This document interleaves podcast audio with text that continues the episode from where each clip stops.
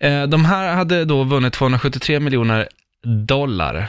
Oj! Mm. Oh. Eh, Det var en person som hade vunnit där, eh, glömt sin lott Nej. Vad? på, i en butik. Nej.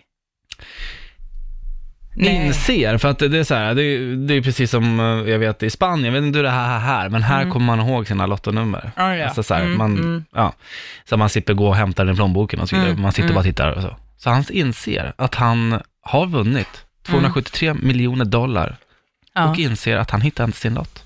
Nej men alltså gud. Han går tillbaka till butiken.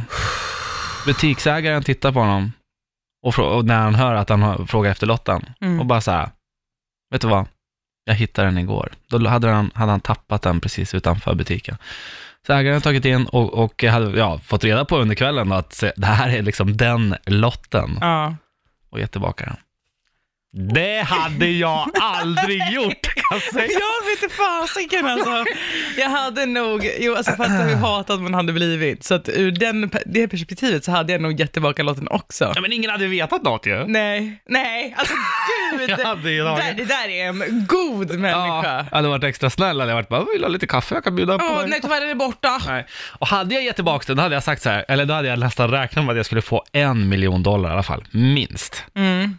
Om man sagt Men alltså- hittelön. Åh, Ja. vad fint. Ja men det är ändå. fint, Det är bra- tur att det var han den här personen som ägde butiken och inte vi då. Nej, verkligen.